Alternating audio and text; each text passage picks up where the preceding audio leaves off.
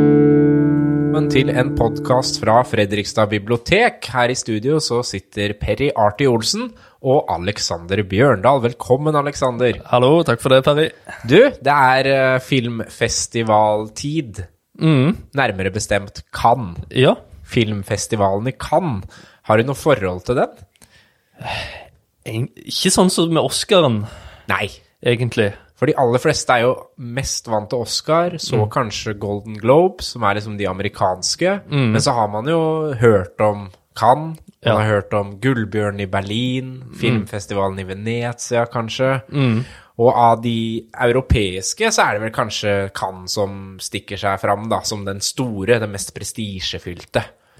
Ja, det, det havner jo mye i media fra Cannes, og var det i fjor det var en norsk prisvinner? Ja, det var det vel. Mm. Ja, Eh, Norge har vel hatt var, var jo verdens verste menneske, Mm. selvfølgelig, som var med i hovedkonkurransen. ja, Altså skjelve hovedprisen. ja. Og så var det jo da eh, kvinnelig hovedrolle, da. eh, Renate Reinsve, som, Ja. som stakk av med den gjeveste prisen eh, for beste skuespiller i Cannes. Og det er første prisen til Norge noensinne. Ja, Aldri før. Altså, Liv Ullmann har vært nominert til eh, hovedprisen for Troløs Mm. Ja. i 2000, mener jeg. ja, Og, men vant ikke. nei, Joakim Trier var det nå for verdens verste menneske. ja. Vant ikke, men vi vant altså prisen for beste skuespiller, da. Ja. Renate Reinsve. Så det er jo veldig, veldig stort. Det er veldig rart at Liv Ullmann ikke har vunnet. Ja, det er egentlig det. Ja. Det er det, altså. Hun har jo vært med mange ganger, da. Ja. Og til og med Dumme. vært president. Ja, Eh, ikke ju- sant. Jurypresident. Ja. For det er jo en ting som er spesielt med, med Cannes. Det er jo at man velger nye presidenter hvert år. Ja. Og de setter jo sitt preg på ut, utdelinga, da. Hvilke filmer som blir valgt, og Mm. ja. Innholdet. Om det er politisk, eller om det ikke er politisk. Alle de tinga der.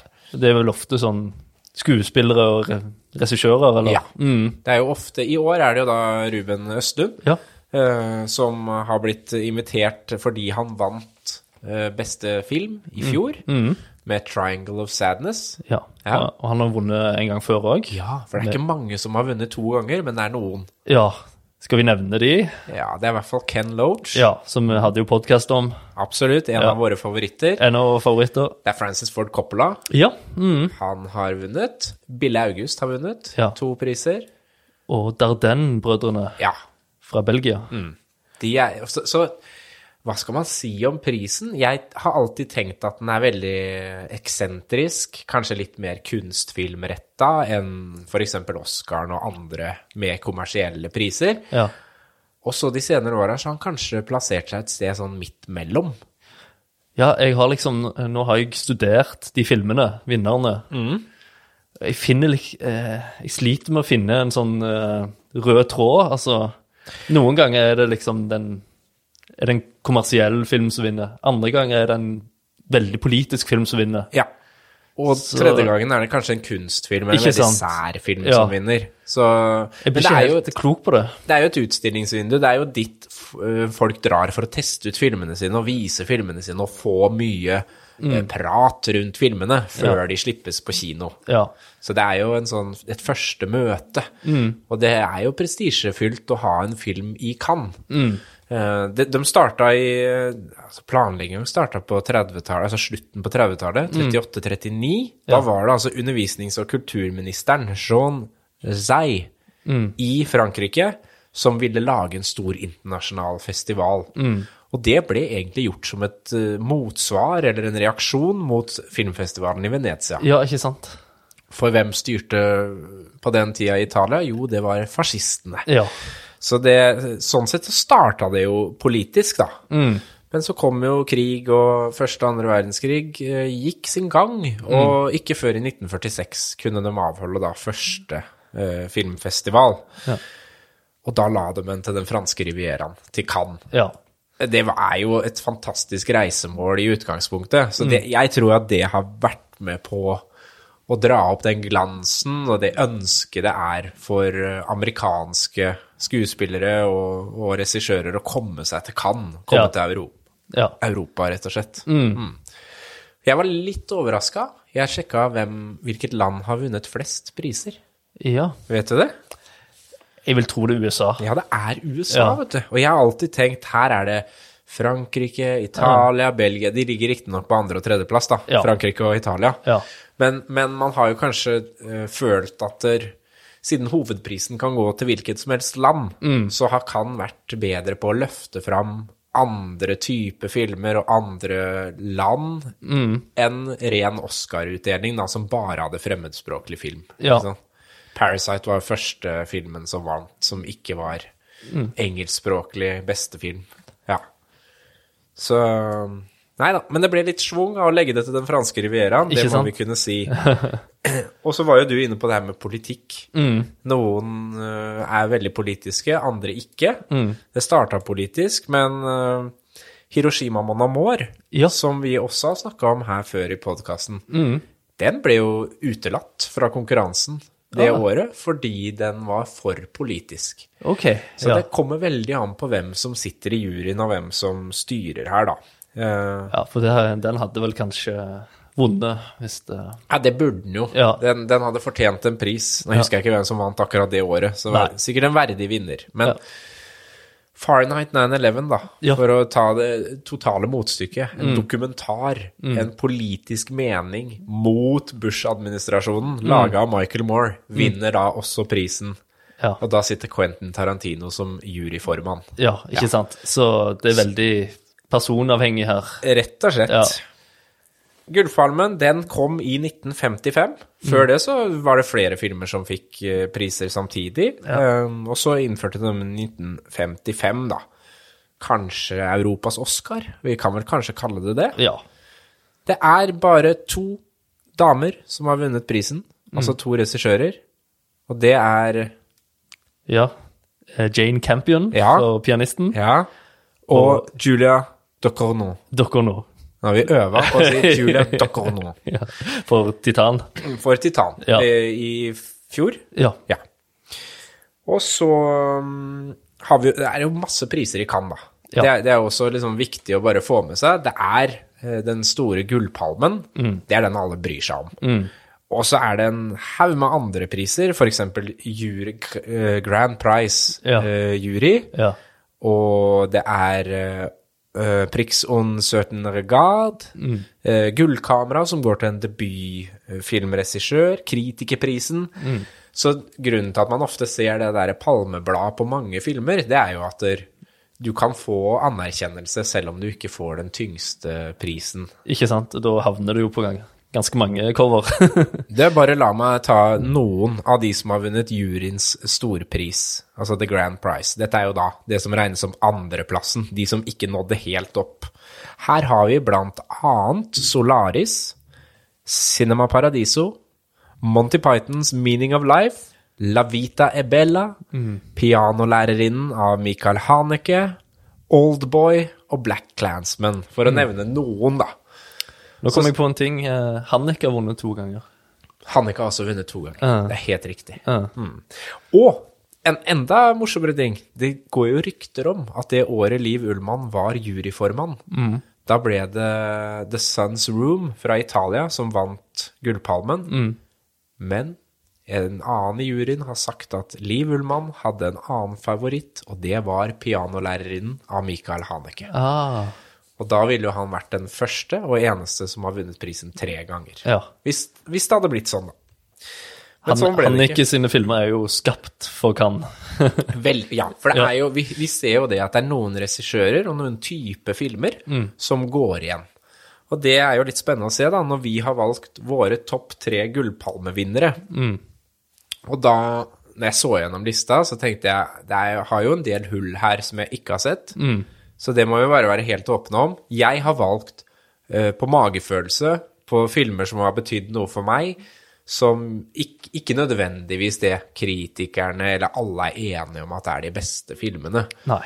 Men det skal, det skal noe til å nå opp eh, i Cannes, da. Så, så kvaliteten er ganske høy uansett. Det er det. Hvordan skal vi gjøre det? Skal du eller jeg begynne? Ehm, Jeg kan godt begynne. Du fyrer løs. Jeg fyrer løs. Eh, jeg skal til min tredjeplass, ja. Eh, det, den skal til det, Den er amerikansk, fra 91. Og det er et regissørpar som vi begge liker veldig godt. Mhm. Det er kanskje ikke deres liksom, eh, aller største og beste film, men vi skal til Cohen-brødrenes eh, Barton Fink Ja. 19, eh, fra 1991, da. Ah. Ja. Eh, med Tutoro og eh, John Goodman i hovedrollene. Lagt til eh, Hollywood eh, på 30-tallet, som de er alltid fascinert av, liksom, gamle Hollywood. Eh, og det er jo veldig tidlig Cohen-brødrene, men vi ser jo Begynner å se konturene allerede der av hva Cohen-brødrene Ja. kommer til å gjøre. Ja, Det er lekende, det er litt eh, Ja. Ja, og det er jo som en eh, Ja. Du skulle tro det var liksom basert på en roman, da, men det er det ikke. Handler iallfall om eh, han John Totoro som er, eh, flink forfatter og skal til Hollywood og begynne å skrive manus på filmer, men får eh, tidenes skrivesperre. Og innestengt på et sånt eh, gammelt, eh, støvet hotell. eh, som eh, Ja, det er sånn der en eh, Hva er drøm, og hva er virkelighet? ja. her? For hvor er vi egentlig? ja. Er vel spørsmålet. Ja. Det blir jo til slutt et slags sånn helvete. Ja. Mm. Og John Goodman blir en djevel. Ja. Men er det bare oppi hodet? Er det liksom skrivesperren og Ja, du skjønner hvor, hvor jeg skal hen. Du har sett den? eh, Jeg har regner sett den. med- Jeg har sett den. Mm. Det har jeg. En, en veldig, veldig god film. Ja. Veldig gøyal Cohen-brødrene-film. Ja. Og det er jo et poeng at når man ser på lista over filmer i Cannes, så er de mer åpne for svarte komedier, humoristiske, øh, altså satiriske filmer, enn det Oscaren for eksempel har vært opp igjennom, da, hvor det ofte har vært de store, episke filmene som har vunnet. Det er jo ja, det er jo helt utenkelig. Ja, Den kunne jo aldri vunnet pris i i Oscar. Nei, den kunne Nei. jo ikke det. Nei. Nei. Så de, eh, de har litt mer sånn eh, Sans for det smale. Eh, Ja, og skråblikk på livet, og liker, liker det originale, Ja. kan vi vel si. Ja, ja det originale. Mm. Og det er jo virkelig Barton Fink, da. Så selv om i etterkant så, ja det- Du føler litt sånn at det det er veldig tidlig i regissørskapet deres at eh, de får pris for potensial òg, på et vis, Jeg har er jeg helt, tenkt. helt enig. Eh, jeg så jo dem i feil rekkefølge, på en måte. Mm. Jeg så altså de jeg så nyere Cohen-brødrene-filmer før jeg gikk tilbake og så Barton Fink. Ikke sant? Ja. Og da, da ser man veldig tydelig at wow, de har blitt Det var veldig gøy den gangen, men de har blitt utrolig mer stilsikre, Ja. mer selvtillit på hva de, hvor langt de kan dra det, og allikevel hente seg inn igjen ja. den, det, den, den galskapen som man forbinder med Cohen-brødrene, samtidig som det kan være et alvorlig tema, Mm. eller noe som er forankra i bånd der, da. ja. Det, det syns jeg kommer tydeligere fram senere. Det gjør det. Mm. Absolutt. Yes, da er det din eh, tre. Nå er jeg spent. Da er det min tredjeplass, og da skal vi til eh, Danmark. 1988. Hmm. Han Ja. har vunnet to ganger. Er det Billy eh, Det er, August? Det er Bill August. Ja. Det er det. Vi skal til Pelle Erobreren. Ja. mhm. Det er en film basert på en eh, stor roman i fire deler av Martin Andersen Neksø, ja. eh, som handler om da unge Pelle og hans gamle far Lasse, som emigrerer fra Sverige til Danmark på slutten av 1850-tallet. Og her, her er det harde kår, altså. ja. Max von Sydow, g- gammel, litt sånn utbrent eh, arbeider som sliter med å finne seg jobb. Wow, altså, han går liksom som en krok. Altså, Max von Sydow har jo sett gammel ut i, i en haug med år. Ja, han har det. Og han så allerede gammel ut da. Eh, han er jo litt glad i flaska òg, da, selvfølgelig. Det er jo ikke lett å komme seg gjennom dette livet i- på den tida. Eh, de ender opp på en gård hos en tyrannisk gårdeier, som gir dem losji ute i fjøset mot at de jobber, da. Eh, og han mishandler eh, folka på gården, han er slem mot kona, han er eh, rett og slett en skikkelig dårlig fyr. Og vi følger jo deres på en måte kamp, da. De skulle jo ut og erobre verden. De skulle ut eh, til Amerika. Men de må bare spare opp litt penger først. Ja. Og så havner de jo inn i et system eh, hvor selv de som prøver å gjøre opprør, blir slått ned, da. Så her er det det er, det er en film med mye håp, men det er jo en tung film, vil jeg si, da. Eh, Max von Sydow eh, ble Oscar-nominert for beste mannlige hovedrolle.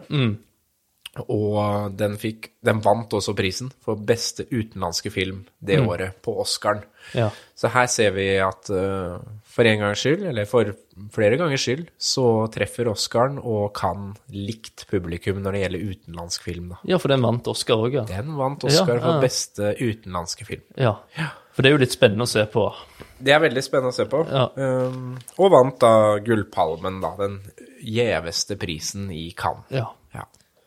En hjerteskjærende film som Ja. Mm. jeg anbefaler alle å, å se. Jeg har ikke sett den. Nei, Nei, så det må jeg eh, da har du noe å gruglede deg til, vil jeg si. ja, ja.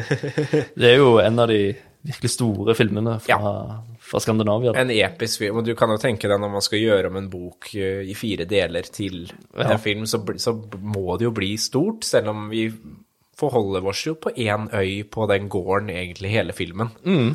Så ja, en fantastisk flott film. Ja. Nei, fra en eh, litt smal amerikansk film til en eh, stor, episk eh, film fra Skandinavia. Ja. Og nå, min num- nummer to, så skal vi til Romania. Oi. Ja. Eh, og den eh, såkalte rumenske nybølgen, Jaha. eller New Wave, eh, som var rundt sånn 2004 til 2007, der det var mange rumenske filmer eh, som var liksom eh, top notch, da. Eh, og vi skal til fire måneder, tre uker og to dager av regissøren Christian Mungiu eh, fra 2007. Og det er en eh, hardtslående politisk film om abort. Den har jeg ikke sett, men jeg vet jo hva det handler om. Ja. Veldig sterk film om uh, venninnene Otilia og Gabriella. Eh, Otilia er da hovedpersonen, og Gabriella har blitt gravid og ønsker å ta abort. Som er ekstremt eh, forbudt. Eh, og det er bare og med, Det er lagt til da 1987, så det er liksom på tampen av eh, kommunistregimet da, i eh, Romania eh, lagt til en ukjent by, eh, men det er en storby, da. Eh, og Otilia prøver da å hjelpe da, med å finne en lege som kan ta abort på et hotellrom. Og I tillegg så er det òg en historie om O- Otilias eh, kjæreste. Så hun er da eh, sammen med en sånn eh, en, eh, en mann fra et sånn overklassemiljø.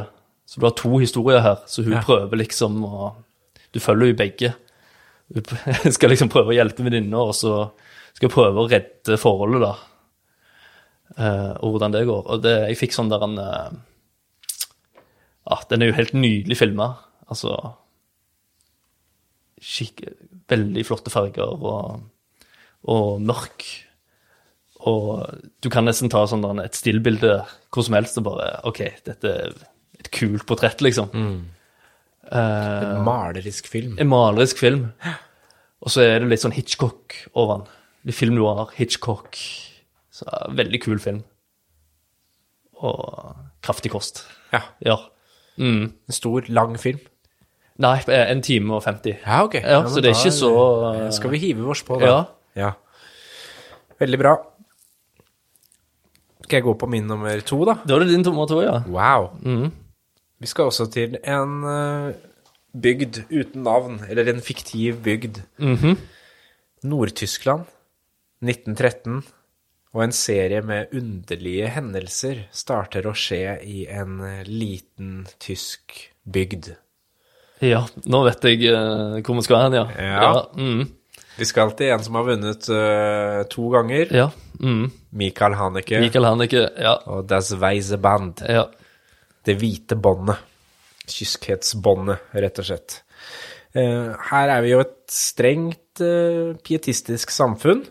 Vi har egentlig ikke noen sånn hovedrolle vi følger. Vi følger egentlig hele landsbygda. Vi er litt sånn flue på veggen på hva som skjer. Det er bygdas innbyggere, men det er skolelæreren da, som forteller historien. Så når vi møter han, så er han jo gammel. Og han begynner å fortelle tilbake til det han husker, eh, og han er åpen helt fra starten om at det det er ikke sikkert at alt jeg gjenforteller er akkurat sånn som det var, men det er sånn som jeg opplevde det, det er sånn jeg tror det var, eh, som allerede der gjør jo at eh, vi er litt usikre, litt nysgjerrig. Det er litt spennende utgangspunkt for en film. Man vet ikke helt om man kan stole på fortelleren. Jeg er alltid glad i det i film. Ja. Og så er jo Haneke en mester på å bygge opp med eh, veldig få virkemidler en litt sånn grøsserstemning. Mm. Det kjente mot det ukjente. Vi blir kjent med menneskene i bygda. Ja. eh, hvordan hverdagslivet er, hvordan barna oppfører seg, hvordan skolelæreren er, hvordan presten er, alle sammen. Men så er det noe ukjent, da, Mm. Ja. som lurer der ute, som vi ikke helt på en måte får tak i. Nei. For det er jo, det er jo noe sånn etter hvert farligere og farligere ting som skjer i den bygda. Det starter jo med at noen har spent en stålvaier over eh, mellom to trær, der hvor landsbylegen bor. Så når han rir, Ja. så blir det jo nesten kutta i to av den stålvaieren. Ikke sant? ja. Blir hardt skada. Uh, Godsherrens sønn blir plutselig bortført, ender opp, eh, dukker opp igjen mishandla Mm. og banka opp. Det er et eller annet som skjer, og vi vet ikke hvor det kommer fra. Og politiet finner heller ikke ut hvem dette kan være. Ja, Når du liksom har sett eh, noen andre Hanneke-filmer, så venter du bare alltid på det ubehagelige. Ja, han er en mester på å legge, som du sier, man forventer ubehag. Ja. Eh, og det er, en, det er en veldig voldelig film som ikke viser noe vold. Nettopp. Ja. Og det er jo også veldig forsterkende. ja. Eh, det er en av mine, liksom, ikke favorittscener, men en av de sterkeste scenene, syns jeg, da, det er når eh, en, av, en av barna skal bli straffa for noe hun har gjort. Og så velger, så følger man på en måte barnet på vei inn på det kontoret hvor det skal bli slått. Og så lukkes døra, og så blir kameraet stående igjen utafor. Ja. ja. Så vi blir stående igjen på gangen Mm. og høre lyden av et barn som blir mishandla. Ja. Og det er liksom det du innbiller deg oppi hodet, er verre enn det som blir vist. Det er akkurat det. Ja. Så, så det, er, eh, det er en sånn forsterkende effekt, altså, som han Ja. er veldig god på, som han bruker gjennom hele filmen. Ehm, Og det er vel fokus på disse barna, da, i den det filmen er her. jo disse barna da, Ja. som man begynner å eh, bli litt mistenkelige mot etter hvert. Ja. For kan det være sånn at det er noen barn involvert her? Mm. Ehm, og så ligger det jo da et annet bakteppe, og det er at vi er rett før eh, første verdenskrig bryter ut. Mm. Filmen stopper rundt da krigen starter. Ja. Og så vet vi jo at eh, de som vokser opp i den bygda, de vil jo være unge voksne i det andre verdenskrig Mm. bryter ut. Ja. Som gjør ting enda mer uhyggelig. ja. Vet de liksom på forhånd Har de en følelse at det er OK, noe stort kommer til å skje? Hvem vet? Mm. Hvem vet? Man må bare se den filmen. Ja. Jeg har ikke lyst til å si noe mer om den. Nei. Men, eh, men den setter i gang en del eh, tankeprosesser om eh, samfunnet og ja, Ja. Og ikke minst eh, hva straff kan gjøre med barn. Da. Nei. Så den, er- det er en film som sitter igjen. Og det, det er jo også en ting som vi ser i Cannes når de ikke velger eh, hva skal man si, de mer morsomme satiriske, politiske filmene. Så velger de knyttneveslag av filmer. Ja. Tunge filmer som ikke er de som kanskje går best på kino, men som alle bør se, og som ingen går ubemerka ut fra. Ja. Det er absolutt eh, det hvite bånd. Det hvite båndet. Ja. Ja, Da er vi allerede på min eh, nummer én. det går unna. Ja. Wow. Da skal vi til en av mine virkelig favorittfilmer. Ja. Eh, vi skal til Paris, Texas, med Wim Wenders. ja. Ja. Jeg satt og tenkte på det. Skal jeg ta den? Og så har jeg, jeg har jo snakka varmt om den tidligere, Du har det. så Ja. jeg tenkte Jeg tipper tipper det er, det var to filmer jeg trodde du skulle ha med på lista. Ja, hva, og det hvilken var, det? var Paris, Texas, og det var I, Daniel Blake av Ken Loach. Ja, Men nå har vi jo laga en Ken Loach-spesial. det så var det jeg tenkte. Men eh, den I. Daniel Blake er liksom Mm. så nært lista som det går an å få. Men ta oss til Paris, Texas. Ja. Da er vi jo ute i eh, Møter vi jo Harry Dean Stanton i starten der, ute i ørkenen og forvirra. Eh, og det er jo en eh, Og så blir han vel redda, er det ikke så? Han kommer jo på en måte bare vandrende ut fra en øde ørken Ja. og blir plukka opp. ja. Og har hukommelsetap. Ja. Eh, Snakker ikke, nei. bare setter seg inn i en bil. Mm. Og det er vel broren, eller svogeren, Ja. som da plaprer høl i huet på han og prøver å liksom få noe ut av han. han. Og, og tar han med til Los Angeles. Yes. Ja. Og der møter han sønnen sin.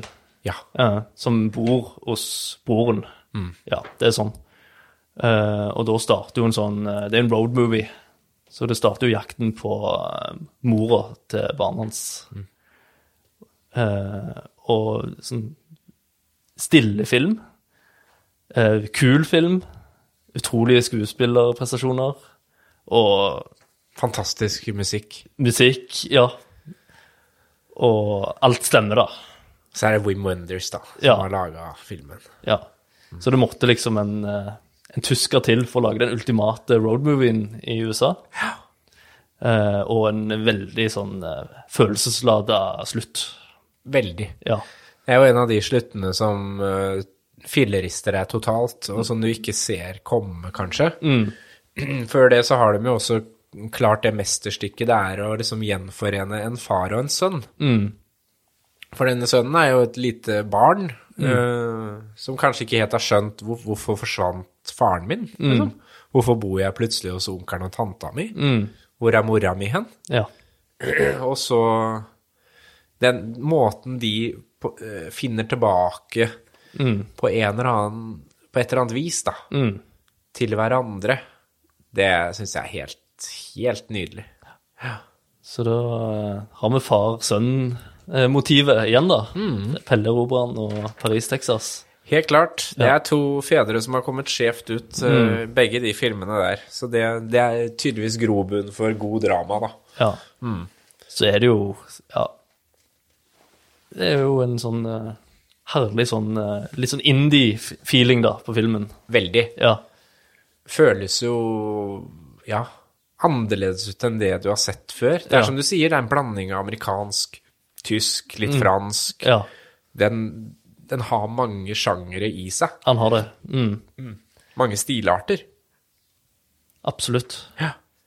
Men nå eh, er du klar for nummer én, ser jeg. Paris, Texas. Paris, Texas. Gå for den, folkens. Jeg er klar med nummer én. Ja. Og det er jo ingen tvil. Ingen tvil. Nei. Luc Besson var eh, altså juryformann. Jonathan Dem, nattsvermerne-regissøren, Mm. satt i juryen. Jeremy Irons satt i juryen, for å nevne noen. Ja. Året er 2000, og den danske giganten Lars von Trier ja. Jeg hadde på følelsen. Mm. vinner endelig Gullpalmen. Nå skal det sies at eh, det det er nok ikke det er, eh, Jeg mener jo han burde bun- vunnet for 'Breaking the Waves', som er min eh, von Trier-favorittfilm. Ja. Han fikk jo da bare andreplassen for eh, Breaking the Waves. Det var Roman Polanski som satt i juryen den gangen. Han valgte en annen film.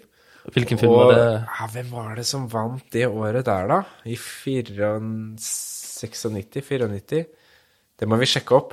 Han var i hvert fall rasende.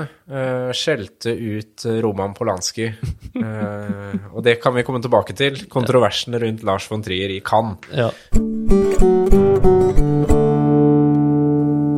Nei, vet du hva, Alex? Nå har jeg sjekka her. Det var i 1996 at Breaking the Waves vant eh, juryens storpris, mens gullpalmevinneren det året, det var Mike Lee. Ah, ja.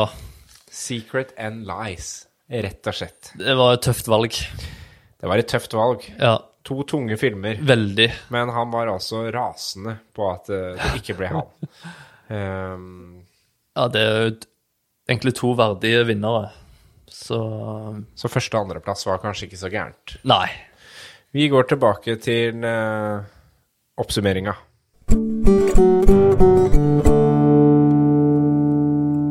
Vi skal altså til eh, 2000 og 'Dancer in the Dark'.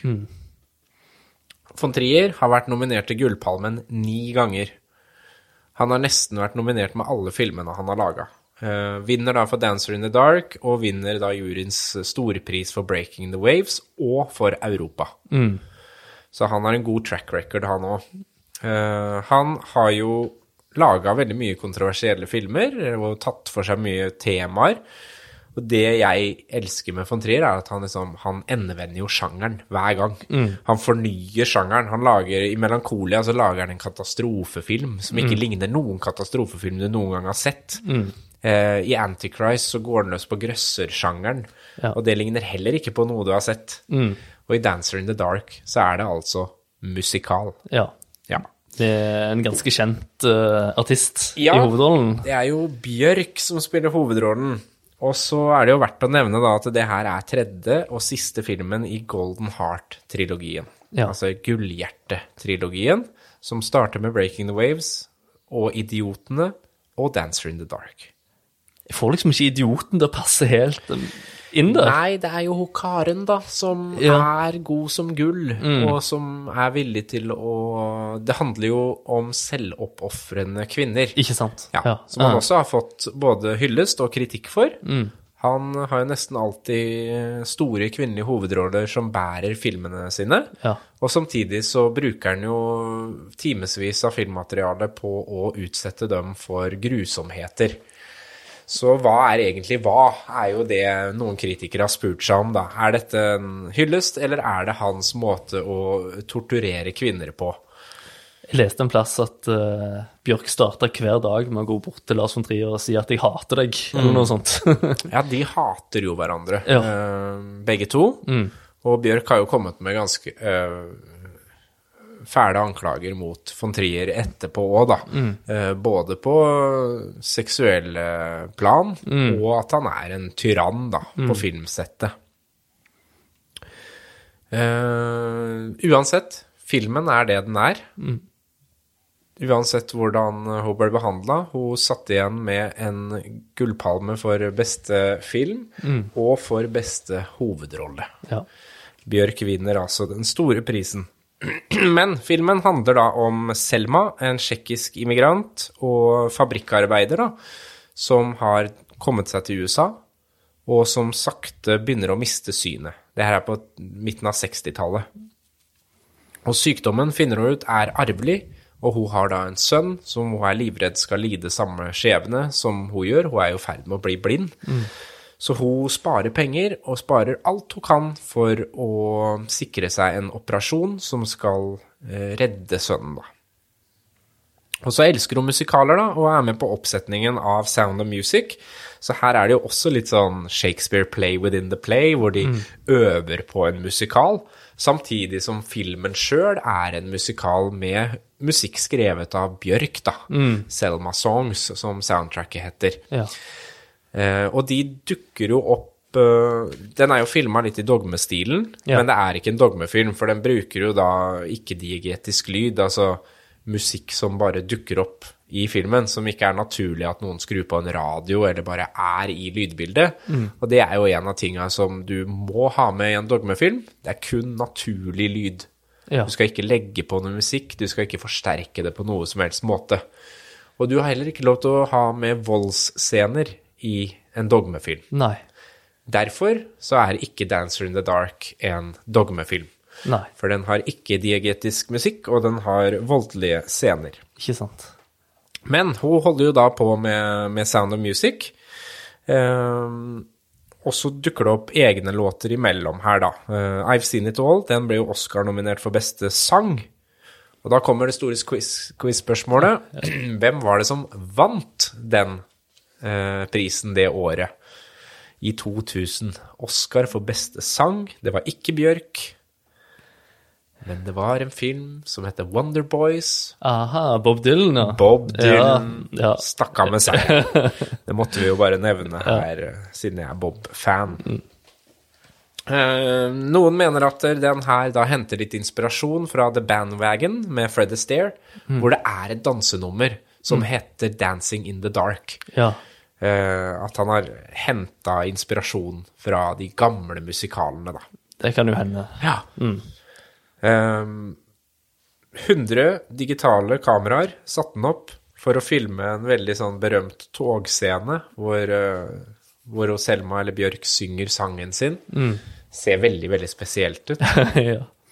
Kornete opptak i det ene, masse håndholdte kameraer, stillbild Altså ja. en veldig sær og spennende måte å lage film på, rett og slett. Han er alltid spennende. Han er alltid spennende. Ja. Og tragedien lurer jo alltid rundt neste hjørne når vi har med von Trier å gjøre. Så dette Mm. Det gjør det. er jo eh, Hvis de andre filmene vi har snakka om har vært hjerteskjærende, så er det her det siste nådestøtet. Mm. Og igjen, da. Mor-datter Nei, mor-sønn-forhold. Mm. Hvor langt er man villig til å gå eh, for barna sine? Det Mm. er jo det det handler om. ja. Ja. Ganske langt. Ja, han skviser eh, sitronen. eh, Ja. Det skal jeg love deg han Ja, Mm. gjør. Det er en heftig film. Du ser ikke eh, Golden Heart-trilogien på en helg. Nei. Det, det gjør du ikke. Nei. Da må du ha litt pause innimellom, rett og slett. Yes. Eh, Ja. Men Lars von Trier, han, han, har jo, han var blid da han vant. Mm. Men han har jo klart å skape mye kontroverser eh, siden, da. I 2011 var, jo- er jo den store han har jo, Den er jo den største skandalen i Cannes noensinne. Mm. ikke sant? Det er det. Med, hvor han sitter der på pressekonferansen og snakker om melankolia. Sammen med Kirstin Dunst som er hovedrolle, og ja Var jo da med i hovedkonkurransen. Og gjør som han ofte gjør på pressekonferanser, snakker seg bort. Ja, ja. Så han begynner jo med en vits om at han før trodde han var jødisk. Det er jo noen elementer i den filmen som gjør at han får et spørsmål da, om sin bakgrunn kontra det jødiske. Og han trodde lenge han var av jødisk opprinnelse, og var veldig stolt av det. Og så sier han da, helt til jeg skjønte at Susanne Bier også var jøde, da var jeg ikke så stolt av det lenger. nei, nei. For de har en slags sånn nemesis-greie. Hun Ja. lager jo også fantastiske filmer. Ja. Eh, litt annen stil, men mye av de samme tematiske, eh, tunge tinga. Ja. Utrolig, utrolig bra. Har jo laga 'Elsker deg for evig', 'Brødre'. Mm. Eh, samarbeider da med Anders Thomas Jensen ofte, som manusforfatter, som Mm. også samarbeider mye med von Trier. Ikke sant? Og har gitt ut filmer under hans selskap. Og, ja, men et eller annet har skjedd der, da. Ja. Så han prøver seg med en vits der, øh, og den blir litt sånn hm, Det er jo ingen som svarer på det på en pressekonferanse. Nei. Og så begynner han da å snakke seg bort, øh, hvor han ender opp med å si Jeg forstår Adolf Hitler. Ja. I understand Hitler, sier han. Ja. Fordi jeg jo er en nazi, sier han. Mm. Ja. Og det er jo klassisk von Trier-humor. ja, det er det. Men eh, det funker jo ikke hvis ikke noen i salen vet at det er hans humor. Og det funker jo egentlig ikke uansett. Nei, det, han prøvde seg først på en vits som ikke slo an, Ja. og så høy, må du høyne det. Ja. Ja. Han gikk all in, ja. Gikk også all in på den. og han tapte. Ja, han tapte. Ja. For han, eh, han får ikke lov å komme til Cannes lenger. Nei, eller- altså han, han ble da persona non grata i 2011, Ja. eh, og var det fram til 2018. Ja. Så er det jo sånn da, at han lager jo såpass spennende filmer at de vil jo ha, de vil ha sirkuset, de vil ha greia rundt det. Ja. Så da stilte han jo, han ble invitert tilbake i 2018 med The House That Jack Built, som er en grusom seriemorderfilm, Ja. eh, hvor han da stilte med T-skjorte med en eh, gullpalmeemblem, og så står det da 'Persona non grata'. Ja. Ja, Så det er hans pris. Det er den prisen han har fått. Mm. Så eh, og, og det vi var inne på i stad, med Roman Polanski som ble skjelt ut eh, Og han kalte vel Roman Polanski for en liten dverg Ok. Ja. da han ikke ga han eh, hovedprisen, da. Så mye, mye følelser, mye eksentriske folk i Cannes, Det er det. og veldig mange som mener at de er verdens beste filmregissør. Ja. Og da er det jo bare sånn at det er bare én som kan ha rett. Og Lars von Trier er høyt oppå den lista. Hadde du noen eh, Da hadde du selvfølgelig noen eh, runners up. ja, du, altså Paris, Texas var jo stå på lista mi her. Ja. Eh, I. Daniel Blake står på lista mi. The Conversation Ja. av Francis Ford Coppola. Hadde jeg òg på lista. Ja. Den vurderte jeg om jeg skulle ta. Kjempespennende avlyttingsfilm Ja. med Gene Hackman i hovedrollen, som nå er plutselig kjempe Altså viktig igjen. ja. Relevant. Mm. Det er det jeg mener å si. Eh, filmen, altså. Ja, den har på en måte fått um, I det samfunnet vi nå lever i, Ja, så kan man absolutt. plutselig se den filmen på nytt og tenke wow, de, var, uh, de var virkelig Mm. tidlig på'n. Jeg tenker jo på The Wire, for eksempel, TV-serien. Helt klart. Mm. Men bare det overvåkningssamfunnet vi lever i, fra Snowden, fra politiske skandaler, ting som blir fanga opp på kamera, på lyd, som Mm. ikke blir Som blir misforstått. Altså, Så tenker jeg òg på den tyske filmen Andres liv. jeg er veldig Ja. Das Leben der anderen. Så den er virkelig sånn forut for sin tid, altså. Ja, Den kom seg aldri til Cannes, eller? Det er litt rart. ja det er rart. Det er rart. Veldig rart. Den hadde jo passa. Passa veldig. Og Ja, det den, eh, den tenkte jeg på når jeg så den min eh, fire måneder, tre uker og to dager. Mm. Faktisk eh, med litt med stilen, så ja. De andres liv, fantastisk film. Ja. Og så har jeg en litt mer ukjent eh, Gus van Sant-film, 'Elephant'. ja. Mm. Ja. Det nå har jeg veldig sansen for. Også en fæl film. Høres ut som jeg bare ser fæle filmer. ja. Men jeg gjør jo ofte det. Handler om en skolemassakre. Ja. Den, eh, Forut for en eh, skolesak. forut for en skole. Og Ja. gjennomføringa av. Ja. Der er vi, kan jo tipse om eh, biblioteket i Moss. ja. Har jo sin egen podkast, Zoom In, Mm. hvor de gjør et dypdykk på We Need To Talk About Kevin, som er en annen film om en skolemassaker. Ja. Eh, og der snakker de også mye om Elephant. Ja. ja. Og så regner jeg med du hadde Mike Lee med 'Secret and Lies'. Secret and Lies må jo på den lista. Ja. En veldig fin film. Og så Apocalypse Now hadde jeg. Og Ja. pa Parasite. Og Umbrella of Cherbourg. Ja, den har jeg ikke Nybølge. sett. Nei, Nei. som er en musikal, da. Jeg har heller ikke sett Titan. Nei, det har jeg heller ikke. jeg. Julia Ducono, var det det vi fant ut? Dere nå? Ja. ja. Mm. Hun sitter jo i juryen i år, så det blir veldig spennende å se. Eh, og ellers så er det jo da Ruben, Ruben Østlund, da. eh, Brie Larson og Paul Dano, blant annet, som skal velge årets eh, film. ja. Og det er da 27. mai. Vi skal dele ut eh, prisen. Vi skal dele ut prisen. Vi skal dele ut prisen for eh, Gullpalmen. Og apropos Paris, Texas. Wim Wenders er med i hovedkonkurransen med sin nye film. Tenk det. Ja, det samme er Ken Loach Ja. med siste film i trilogien Sorry We Missed You og I, Daniel Blake. ja. Den ser jeg virkelig fram til. The Old Oak, Mm. som eh, vi har prata om her tidligere. Han er nominert, og så har du han finske Aki Kurasmaki. Oi, jeg er tilbake igjen. Er tilbake igjen De hadde jo lagt opp. Altså, han vet man jo aldri hvor eh, ender. Mangler bare Lars von Trier nå, så eh, Gjør det, vet du. Ja. Og så er det Todd Hayes, Og Todd Oi, jøss. for å nevne noe. Og Wes Anderson. Ja. Sterkt eh, Det er et eh, bra heat, Ja, så veldig det bra blir jo heat. kjempespennende å se, da. Går de for det sære visuelle til Wes Anderson? Mm. Går de for det politiske og medmenneskelige med Ken Loach? Går de for det stilistiske til Wim Wenders, Mm. ikke sant? Den gode fortellinga. Ja. Eller går de for det som kanskje kombinerer alt, Ja. nemlig Aki Kurasmaki, da, Ja. med, med sin sære finske, litt sånn kalde filmstil, Ja. eh, men varme historier. Så det er liksom det vi har lært, at eh, det, det kan gå alle veier i Cannes. Det kan gå alle veier. Ja. Det kan det. Ja. Jeg er veldig spent. Sånn u- ut av det blå, vil du tippe, vil du tippe vinneren? Jeg vet for lite om de. Nå har jeg, jo, jeg har jo ikke nevnt alle. Det er jo masse mer Ja. ukjente regissører òg. Ja. Men eh, ja, det er kanskje på tide med Wim Wender Nei, med, med Wes Anderson, tenker jeg. Vi får se. Ja.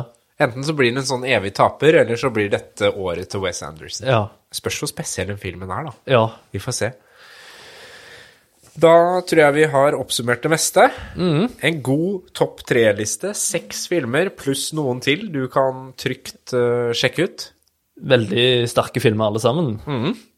Og så kan vi jo ta med til slutt at eh, skandalene, de kommer og går i Cannes.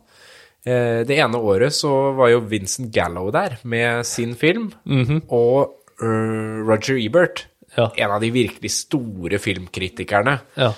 han eh, sa at dette er den verste filmen som noen gang har vært på Cannes noensinne. ja. Og The Brown Bunnies. The Brown, ja, ja. helt riktig. Ja, ja.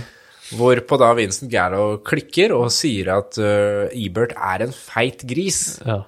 Og Ebert sier ja, men jeg kan slanke meg. Du vil alltid stå som regissør for den filmen.